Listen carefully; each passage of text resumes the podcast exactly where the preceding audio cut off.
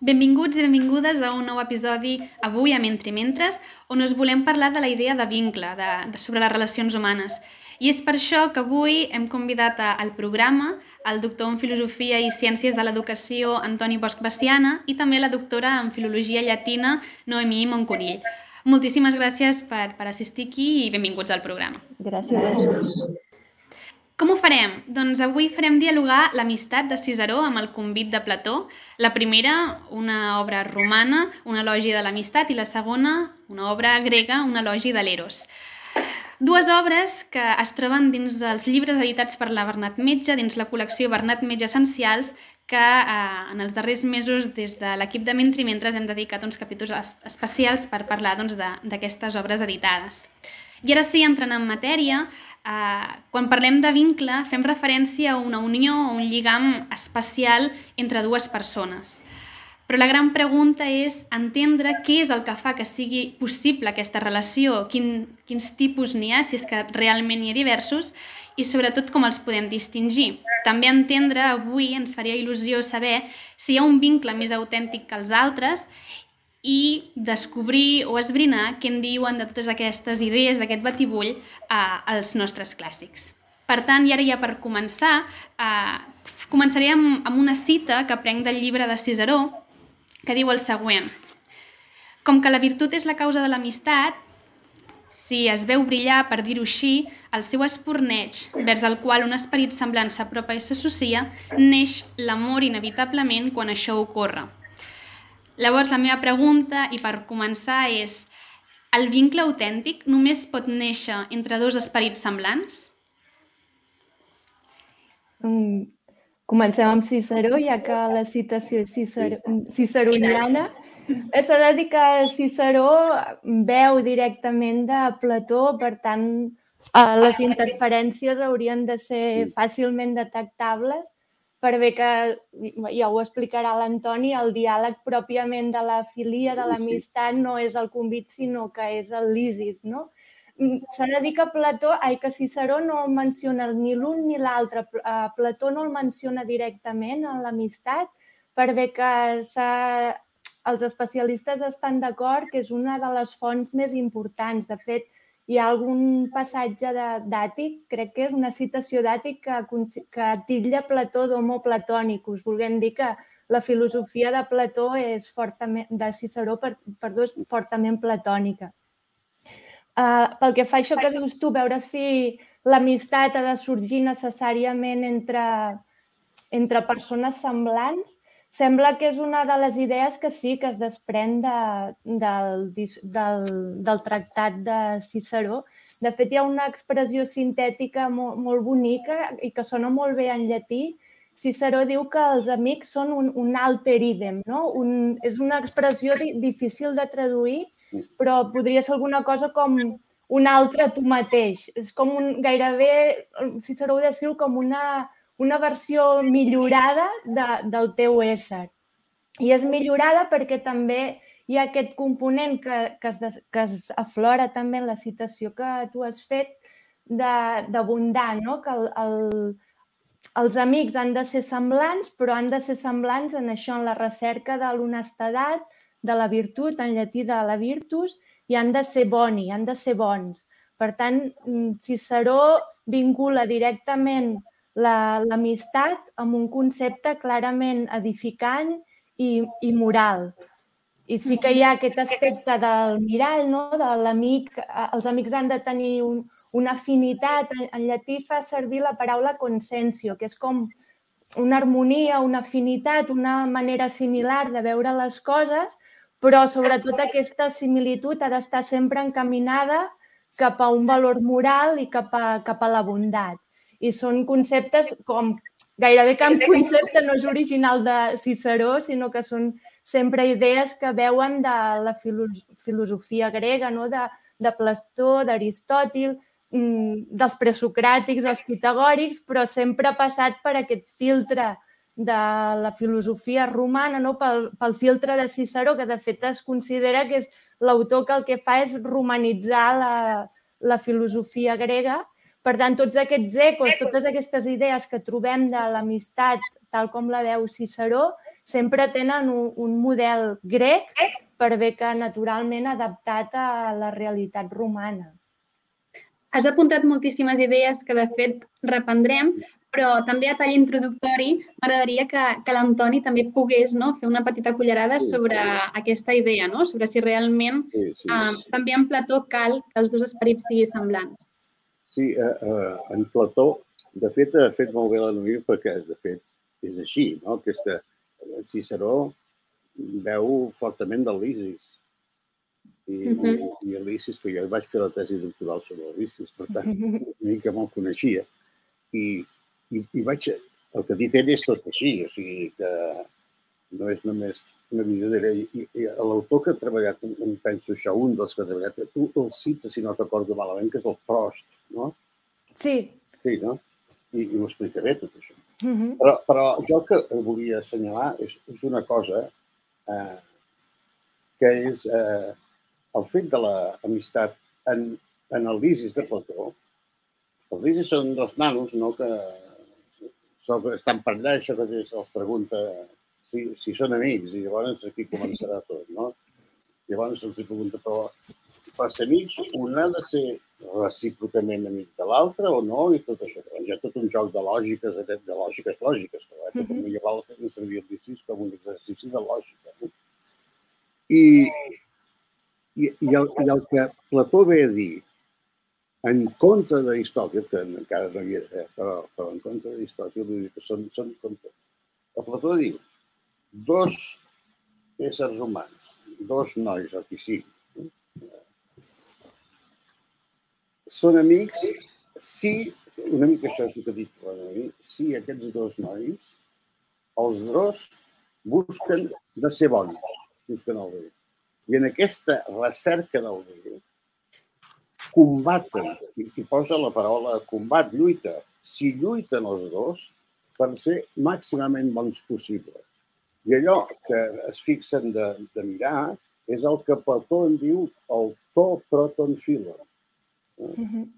El primer amic, i la idea de, mi que deia Plató, l'amistat, el que vulguis dir. Eh? I és molt interessant perquè no cal que un sigui bo o no bo.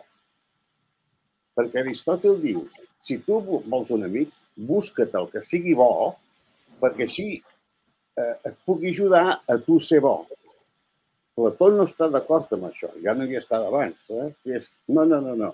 Si, si vols ser amic, busca't algú amb el qual te vinguis i tinguis certes similituds i dissimilituds, perquè puguis discutir, i disposat a acompanyar-te en el camí de lluita, de combat entre tu i ell -huh. per, veure, per dir-ho així, qui és millor. Uh, per dir-ho així, uh, Aristòtil sempre pro proposa que algú és millor i que tu has d'anar amb el millor. I, I crec que és molt més sensat i, i molt més humà Plató quan diu no, no, els amics trobes els que trobes. si vas perdut com un boig buscant el millor amic, estàs, és un desastre. Els amics trobes els que trobes, que trobes més de dos, no? I, i amics de debò, eh? I, i en aquest ha d'estar disposat amb tu. No? I, i, I fa un pas per dir que això, i, i jo ho havia copiat avui aquí, espera't, això ho ha recollit, perquè això també ho vaig treballar, i, i això ho ha recollit Nietzsche. A la Gaia Ciència, eh, espera, que tinc, he copiat la cita aquí, el número 14, al final, diu, deixeu, ho deixeu llegir, eh? tant. diu, sens dubte, de tant en tant hi ha sobre la Terra una mena de continuació de l'amor lliure, eh? uh -huh. en, en la qual aquell desig covejós que tenen dues persones entre si cedeix el seu lloc a un nou delè i una nova covejança, a una set comuna i superior d'un ideal que està per damunt d'ella. Tanmateix, qui coneix aquest amor, aquest llibre, perdó, pregunta, qui coneix aquest amor? Qui l'ha experimentat? El seu nom autèntic és Freundschaft, amistat. És a dir, aquest, i això, aquest, el seu nom autèntic és amistat, només ho pot dir perquè ha llegit el Licis. Uh -huh. Perquè ha llegit que això és aquest, aquest combat que s'accedeix cap al superior i perquè he llegit tota la, tota del Licis. Em penso que això és molt important perquè ens fa descobrir la possibilitat de ser amics i no anant per la vida boig, perdent, buscant un tio que sigui millor que tu. No és tan maximalista. Exacte. exacte. És, és més, eh, diguem-ne, humà, més... És a dir, el que et estic dient és que Plató, que es té per un idealista, no? resulta que és molt més realista sí. Que Aristòtil, que és el realista, diuen. Perquè quan entres en Plató per allà al mig, jo sempre l'he trobat absolutament realista. Però, i en el cas de l'amistat, aquesta qüestió de, de, de dir, escolta'm, fem el que podrem i almenys entre els dos anem cap a ser millors i, uh -huh. i, i, i aquesta és la cosa. Jo, jo hi trobo una grandesa aquí, una visió de la, sí, sí. de la cosa, perquè però aquest camí eh, conjunt, eh, que ara ens, ens, ens, ens esmentaves um, vers la virtut, no? o cap a aquest superior, um, i vinculant-ho també i portant-ho al, al convit, no? Um, no tractat en l'amistat, que potser l'amistat seria una qüestió més de filia, no sé si també ens ho podries um, sí, sí. Um, descriure millor, però en el cas de, del convit sí que trobem molt més retratada la idea de l'eros, que tanmateix també és aquest ascens no? cap a aquesta virtut, no? I, i a la vegada, no? i llavors vincula només a la, a la qüestió de l'amor, um, en aquesta cita no? que deia abans, no? um, deia que com si l'amistat, Ciceró, eh? només naixés no? d'aquest amor, però de quin amor es tracta en el cas de Ciceró? No? O quines diferències trobem entre l'amor de Plató i l'amor de Ciceró? Ciceró és curiós perquè fa servir un, un joc de paraules, un joc etimològic, i diu que, que l'amistat neix de l'amor, perquè amor i amistat comparteixen arrel, comparteixen etimologia. Totes dues paraules venen d'amo, no? d'estimar. I llavors fa una mena de joc de paraules per dir això, que l'amistat neix de l'amor. Però, de fet, al llarg del tractat, cada vegada que Ciceró incideix amb l'idea, que és el leitmotiv de, del tractat, que, que l'amistat la, humana s'ha de basar eh, amb l'efecte, no? amb el vincle emocional i personal i individual, insisteix tant perquè aquesta no és la idea més, més extesa en la societat romana. Potser en parlarem després si tenim temps, però és d'alguna manera el nucli dur de, del seu pensament. Uh, quan ell en llatí parla d'aquest amor, rarament s'hi refereix com a, com a amor, com l'eros grec, no? que és l'amor carnal, passional, el, l'amor eròtic, podríem dir, sinó que fa servir altres paraules que en llatí no tenen aquesta connotació. Més comunament s'hi refereix com a benevolentia, que és la... La paraula és molt, molt transparent, no? Vol dir voler el bé d'algú. És això que els italians fan servir tant encara de ti voglio bene, que, que és difícil de traduir, però que gairebé vol dir que algú t'estima, no? que es preocupa per tu. Doncs en llatí el, la paraula que no, tot, no sempre, de vegades fa servir altres paraules com càritas, per exemple, però en tot cas no fa servir habitualment la paraula amor, que sí que queda més... té aquesta connotació més d'amor, doncs, de desig. Ciceró, amb la terminologia que ell fa servir, mm, queda mani molt manifest que no està parlant d'un amor de tipus físic o, o sensual, sinó que està parlant d'un afecte, d'una afinitat, d'una estimació, d'un llaç fort que hi ha d'haver entre dues persones, però que no és, mm, no és l'eros del qual està parlant Plató en el convit. En grec també hi ha la distinció entre filia i eros, i bueno, sí que potser en Plató potser es pot barrejar més una mica els dos conceptes, en Ciceró, no, a més a més, Ciceró m'atreviria a dir que no, que no és un autor conegut per parlar de l'amor i de l'erotisme, no, no és Ovidi, diguéssim. Com ho veiem en Plató, Antoni? En Plató, clar, el convit, que és el que parlem ara, el convit és, eh, tothom el reconeix com el diàleg que parla d'Eros. Uh -huh. Però també si es va una mica endins, de fet, organitzen un convit, que és un convit que també és curiós, perquè Plató refereix, la, la, la data a la qual refereix el convit és la, la data escènica, per dir de quan va passar allò, és de quan Plató tenia 11 a 12 anys. I, i, per, i, i el que planteja el començament del diàleg és un problema seriós, que és el problema de la transmissió, que serà el problema de la transmissió de les filosofies i de saber com es pot transmetre una cosa de boca en boca. I, i el, el convit comença amb paraules doc, doc ell moi, em sembla que es diu eh, que estic ben preparat eh, per dir-te dir tu, l'altre que està, que no diu el nom al començament, eh, Apol·lodor, que diu eh, penso que estic ben preparat per dir-te això que, que vols sentir. I parlen d'una cosa de fa la tira d'anys. Els personatges que surten en el convit, tots són ja grandíssims. Alguns, els Siriedes, ja han mort, i alguns segurament també més que han mort. O sigui, fa, fan una ficció i, i que deixa els personatges també una mica sabent Sòcrates i sabent Plató que aquests personatges són morts, també pots dir més coses si són morts. No pots deixar més malament, perquè no cal. I llavors, a, a dins el, els, la sèrie de discursos, quan es pot, proposen parlar d'Eros, eh, fan un avançament que un discurs xafa l'anterior. Tots van progressant a través de, com si fos una mena de, de, de procés dialèctic, no? que per via negativa, negant, negant, fins que arriba Sòcrates i, i trenca...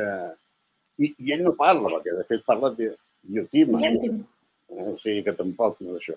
I, i Diotima parla d'aquesta qüestió de l'eros com l'eros, eh, l'amor al saber.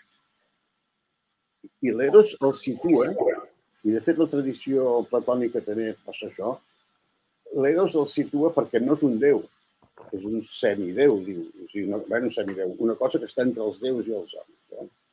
I, I aquest Eros és el que ens atreu, ens atreu ell, no l'altra persona, en Plató. El que t'atreu és la, la, la filosofia, el pensar, t'atreu l'Eros, l'eròtica del pensar. Per això, el que tu fa que hi vagis és, diu Plató allà en el convit, i, i això també surt al Vinci, eh? la, el teu desig, l'epifania. L'epifania, que és el desig que et surt del cor, del timós. Eh? I, i, I això fa que, que tot l'amor de Plató, en aquest amor platònic que la gent parla tan, tan, que tan de carrer, per dir així, perquè va sortir una mena d'època, va sortir això, de l'amor platònic i tot això, i la gent, mira, que estava els adolescents, sobretot, si troben bé. Però no té res a veure amb, amb l'amor aquest, no? L'amor platònic seria aquell que només caldria anar a un institut, a una escola, igual, eh, amb un primer i segon de batxillerat, i mirar les carretes dels alumnes. I veuries cada poesia, cada foto... Ara tenen fotos, ara no tenen poesia. Allò és l'amor eròtic no, és impossible perquè si es trobessin algú de la foto aquelles pel carrer, fugirien a córrer de la que tindrien. No? Però veure, l'amor eròtic. En canvi, quan enfoca això Sócrates, idiòtic, no? idiotina, és perquè, eh, diguem-ho així, es produeixi un procés d'iniciació molt lent, que, que, que representa que són la iniciació als misteris, els petits misteris, després els grans misteris, que Sòcrates fins a arribar eh, dalt de tot. Però hi ha un moment molt important que dir, deixa'm-ho llegir aquí, perquè és una cosa que això ho trobo ràpidament, que és que arriba un moment que no s'arriba dalt de tot. Que és una de les quatre vegades que surt en el convit la paraula exaifnes, de sobte. De sobte i que hi ha coses que passen de sopes. En aquest progrés que hi ha eh, cap al coneixement, per arribar a tenir un coneixement ple de les coses, atret per aquest eros que ens guia i que ens porta cap allà, no arriba a la plenitud que dir així, no arriba a la plenitud del coneixement, sinó que diu, sí, eh, espera que ho trobaré perquè diu que tu vas aprenent-ho tot, tot, tot, tot. I vas fent tot un progrés. Però això va seguint fins a, fins a un, un, el màxim que dona de si la cosa. Eh? Però un cop arribes a gairebé dalt de tot, diguem-ne, s'atura el coneixement. I diu, exaifnes, de sobte, com una espurna, apareix, se't mostra, diu, fainon, se't mostra la, la bellesa, que és del que parlen, no que parlen de, del rei de bellesa, se't mostra. No és nosaltres que amb, amb la raó podem arribar a saber què és la bellesa o què és el bé. No, no, no, no. Això has de fer un procés difícil d'ascensió cap amunt i excitement i de sobte t'apareixerà la bellesa. I això em sembla d'una cosa, d'una qualitat extraordinària. No? Perquè molta gent interpretava aquests textos com si, sense fer cas de l'excitement ni de la mostrar-se. Uh -huh. I, és una revelació, quasi. Sí, això, hi, ha, hi, ha, hi ha autors molt, molt famosos, francesos, eh? Que deien que el convit era anar fins al coneixement de dalt de tot. No, no, no, llegeixi bé, llegeixi. Eh? De cop es produeix aquest salt. Mm -hmm. I després diu altres coses, eh? Diu que una cosa que també m'agrada molt, perquè calma les feres, això, saps? Que és una cosa que no, no me la vull oblidar, és que la tinc guixada aquí. Al eh, diu, heus aquí, oh, estimat Sòcrates, va dir l'estrangera de Mantinea, el punt de la vida en el qual, més que en qualsevol altre, val la pena viure per un home, quan contempla la bellesa en si mateixa. És a dir, és una qüestió extraordinària. La contemplació de la bellesa en si mateixa. Per això sol ja val la pena haver viscut. I això, vaja, això ho has de rumiar una mica. Després el punt aquest que us volia dir, alguns... Espera que em trobo.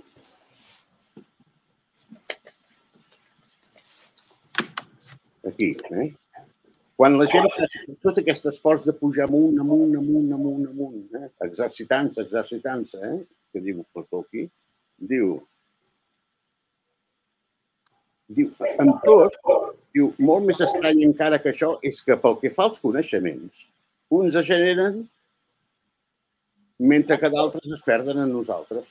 Això ho hem experimentat tots, estudies una cosa i l'endemà te'n recordes podies veure una pel·lícula o no sé què. No? Les altres espècies. I mai no som els mateixos, nosaltres no som mai els mateixos, ni tan sols pel que fa als coneixements. Ens també, cada un dels coneixements pateix això mateix. I ara bé, allò que s'anomena exercitar-se, traduït en català, allò que s'anomena estudiar? En efecte, suposa que el coneixement pot abandonar-lo. Això ho diem, per tant. Eh? Car l'oblit és una marxa de coneixements, mentre que l'exercici, l'estudi, al seu torn, tot creant un nou record, i és per el que seria eh? tot creant un nou record en lloc del que marxa, un caine, és a dir, un nou meme, caine, uh -huh. en lloc del que marxa, salva el coneixement fins al punt de fer semblant, fer, perdó, fer semblar que és el mateix. No fins al punt de fer-lo igual. No diu això. De fer semblar el mateix. És a dir, sempre anem estudiant i sempre diguem-ne, se'ns figura d'una manera nova la realitat. I això és, diguem-ne, el cercle hermenèutic d'anar... I això ho trobo, això és clarament el cercle hermenèutic del no? La novetat no produirà nosaltres. Per què cal estudiar? Per tenir sempre aquesta novetat d'això. Per què? Perquè perdem sempre la, la, la memòria. I dir als estudiants que les coses no se'n recordaran és molt sa, també. Eh? Perquè hi ha aquells que pensen que podràs tot el curs. Que no, que quan s'acabi la primera avaluació eh, se t'esborraran moltes coses. Però, en canvi, això també ho afegeixo, eh? he, he trobat eh, fenòmens de, de profe ja agradabilissis, que és el setembre següent, quan he tornat a fer classes amb els mateixos alumnes, m'he trobat que coses que alguns alumnes havien suspès l'examen, per dir-ho així, resulta que llavors, preguntant un dia així qualsevol, se'n recordaven... Ho saben. Ho saben. Eh? Sí. El, el, el coneixement necessita un espai de relax. Per consolidar-se, sí. Sí, aquest espai de relax és per dedicar-lo a altres coses. Xutar la pilota, mirar pel·lícules, el que sigui, no? perquè necessita fer el pòsit del coneixement. Eh? Això. I, i, i, I aquest procés de Plató del, cap a l'amor té aquesta possibilitat final de que no pateixis, sinó d'això, tranquil. Ara, també, això té un perill, eh, perquè també s'ha de dir tot. Perquè diu, al final, de cop, se't mostra com, eh, se't mostra com la plenitud del que és la bellesa i el bé. Però clar, se't mostra si se't mostra. Però no ho assegura. No, no diu que cada procés acaba amb, amb aquest excitement. Mm -hmm. I tu pots dir, com que no ho saps, si hi ha excitement de sobte o no hi ha de sobte, tu pots dir, quan estàs al, al, al primer grau, quan has estudiat un dia, dius, ja, ja, no, ja no puc estudiar més. Fins a quin límit has d'estudiar? Perquè potser no se't mostrarà l'excitement. No? Mm -hmm. Llavors, és un combat que tenim amb nosaltres mateixos i això o dia la mort o no hi ha res. Eh? La, la, la Madame Curie i, i, i tota aquesta colla es passaven més de dia sense dinar. Llavors és quan anem bé. És a dir, quan, hi ha passió, amor per, per, per, per la feina que estàs fent. L'home és l'únic animal de tota la creació, per dir-ho en aquest llenguatge així, que és capaç d'estar-se badant mirant una posta de sol, i ara aquesta època la fa molt bonica, i s'oblida de la I ni hi pensa. No? És capaç, per una cosa d'una bellesa extraordinària, eh, o un bé extraordinari, bé i bellesa per Plató són forces sinònims, són aspectes diferents de la mateixa realitat, i aleshores, i a tall de, de conclusió, perquè gairebé ja portem 30 minuts, perquè realment és una conversa interessantíssima, però precisament, i per el que ara comentaves, Antoni, no, en aquesta, aquesta impossibilitat no, de saber si realment es podrà, com, no la, la, la realització final, no, però sí aquesta contemplació o aquesta, aquest aparèixer o mostrar-se, eh, és aleshores que a través de Plató i després també amb Ciceró influenciat per Plató adonem que potser l'única manera no, de, de viure virtuosament és a través d'aquest amor? Per Ciceró, eh, podríem dir que l'amistat, tal com la descriu ell, mm, és gairebé un, un bot salvavides en, en la situació personal que ell està vivent, visquent. És un, un tractat el seu que si es posa, si es contextualitza en el moment vital de, de, de la trajectòria de Ciceró i en el moment també històric, en el marc social del final de la Roma republicana, eh, es torna un, un tractat encara més emotiu i més carregat de força, jo crec. Ens hem de posar en, en situació doncs, en un Ciceró que està retirat de fa temps de la vida pública, que ha patit un revés molt fort amb la mort de la seva filla, crec que poc temps abans, un any abans, potser. Ella escriu pocs mesos després de l'assassinat de Juli César i, de fet, ell no ho sabrà, però mm, un any després, més o menys, el mateix Ciceró serà assassinat. I, bueno, amb, aquell, amb aquella mm, teatralització no, que li tallen el cap i les mans i l'exposen al Fòrum de Roma. Tot això és el marc, el rerefons, en el qual, o sigui, és el rerefons del tractat i és l'ambient des del qual escriu Ciceró, que és un món en una crisi brutal, en dissolució, en unes enemistats terribles, un món de violència i, i d'agressivitat, cosa que de vegades obviem, no? perquè fins i tot estilla Ciceró de, de covard, de, de persona poc determinada, poc fidel amb els seus ideals, però dius, eh, ens posem realment en situació de com devia ser aquell moment, devia ser una situació terrible. Llavors, Ciceró crec que en, en un moment carregat de, de tragicitat apela al, al sentiment humà més noble per ell, que és l'amistat, o sigui, apela a un vincle profund, moral, afectuós entre les persones eh, com, a, com deia, com a vot salvavides per redreçar una situació que, que en el seu sentit fa aigües i que, de fet, feia aigües. El món en el qual creia Ciceró estava totalment en dissolució.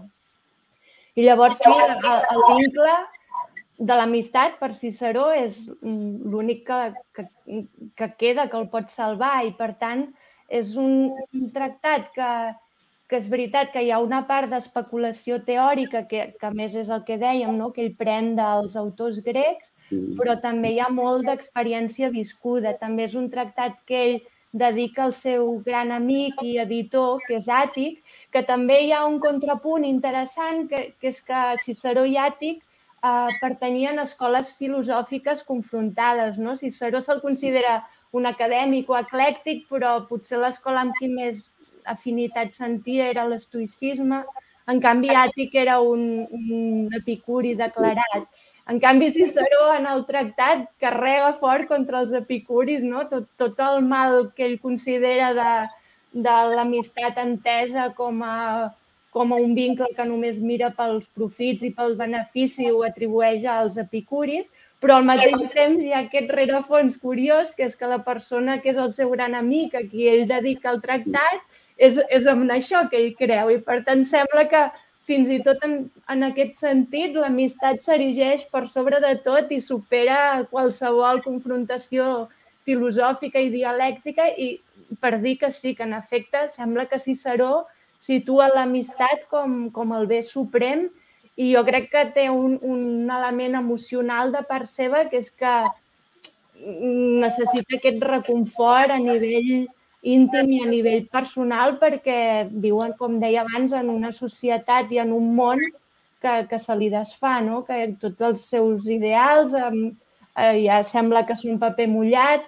amics també que han desaparegut, eh, en el camp polític jo crec que podem dir que Ciceró ha fracassat, en el camp personal també ha patit no sé quants divorcis, la mort d'una filla, dir que poques coses li queden d'en peus a la seva vida i sembla que aquest tractat és gairebé com, com un testament vital, no? com un testament espiritual en el qual es despulla i, i construeix aquest, aquest elogi, podríem dir, del que per ell és el, el màxim bé de, de la humanitat, que, que és els vincles d'amistat, entesos com això, com a vincles mm, d'amor i vincles carregats de, de moralitat. No, no tenim gaire temps, però potser sí que és una cosa que caldria dir, que, que ho he insinuat abans, però no ho he, ho he insinuat, ho he, ho he mencionat abans, però no ho he desenvolupat, que és que en la societat romana el que s'entén per amiquítia no és el que defensa Ciceró, sinó que és un, una unió més de tipus social i més de tipus polític. No? Fins i tot Uh, Roma mm, fa una llista de nacions que li són amigues o no, els polítics tenen amics que no, no deixen de ser altra cosa que, que assessors de confiança o gent que els hi garanteix suport polític. Per tant, eh, quan Ciceró incideix tant a, a descriure i a reivindicar que, que l'amistat és un, és un element carregat de moralitat i, i d'amor, està donant una definició que no és que no va en consonància amb el que a Roma s'entenia com a relacions d'amistat, que eren relacions doncs, més com de conveniència, en efecte, però no necessàriament vista d'una manera negativa, però sí que tenien una, aquesta dimensió política i social per sobre de tot. Per tant, el que fa Ciceró d'alguna manera és també revisar aquest concepte i reclamar que per redreçar la situació social i política de, de gran crisi, de gran convulsió, cal tornar a una amistat mm, més veritable i més autèntica i que es base doncs, això en, en l'efecte i, i en la bondat, en la moral també. Mm -hmm. En el cas de Plató, Antoni, hi ha, per acabar el capítol, no sé què me'n podries dir. No, de, de, de, de tot deixa'm dir alguna coseta així ràpid quan analisis pròpiament parla d'amistat, una primera dada que és curiosa és que fa sortir bailets, dir, nens i jovenets, no? que dius, esclar, són, són els amics de quan un és jove o de quan és això, però fa un, un tractat de l'amistat com, com fa servir Ciceró, com Ciceró situa que ja som gent gran. Gran, si és el contrari. Ha tingut temps de que aquesta amistat es realitzés històricament. I per tant, que estigués plena de, de punts d'alt i baixos, això, i que s'hagi consolidat bé. i consolidar bé una amistat no, no és una cosa gens senzilla. Clar, el Plató, al posar-nos aquests exemples amb nois, doncs eh, no és comú.